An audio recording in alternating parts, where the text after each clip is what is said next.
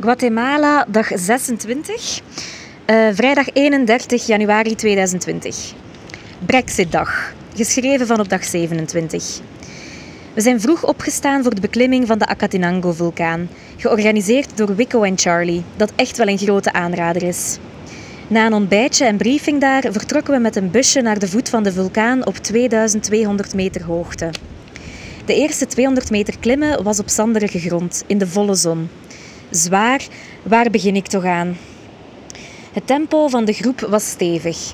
Elk half uur zouden we even pauzeren. De groep verdeelde zich en ik zat in de middelste groep met een supergoeie gids, Osbin. De hike was de eerste 2,5 uur heel zwaar, elke stap steil omhoog. Het begon wel aangenamer te voelen wanneer we door een bosrijke omgeving kwamen. Na de lunch was het iets aangenamer en soms iets minder stijl en veranderde de omgeving terug maar naar lekker geurende dennen. Of naaldbomen in ieder geval. Dat was echt gewoon leuk als hike. Na iets meer dan vier uur hiken kwamen we dan aan op Basecamp. Met supergoed zicht op de erupterende Fuego-vulkaan en de non-actieve Agua-vulkaan. Echt prachtig. En een voldaan gevoel.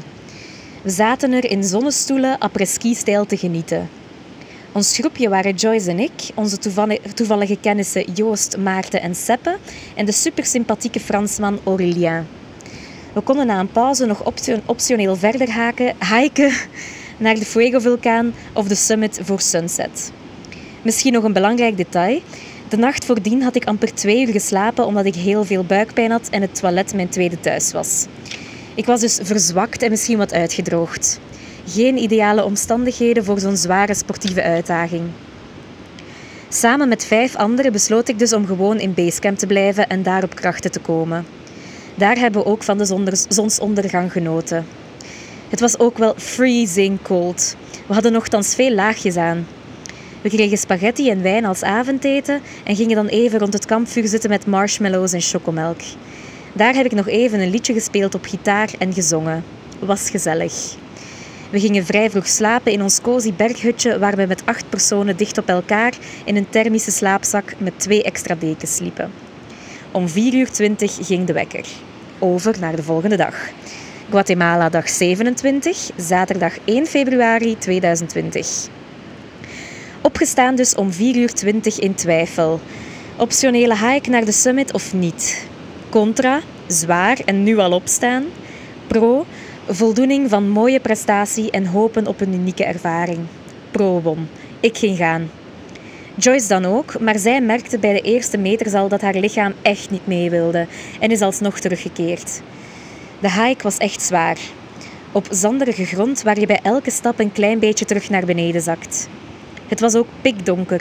Je zag enkel twee meter voor je van de zaklamp. Mijn soort voedselvergiftiging was wel beter, dus meer kracht en ook een goede motivatie. De laatste tien minuten waren wel loodzwaar en ijskoud, maar toen was het op in zicht. En dan de ontlading. I fucking did it.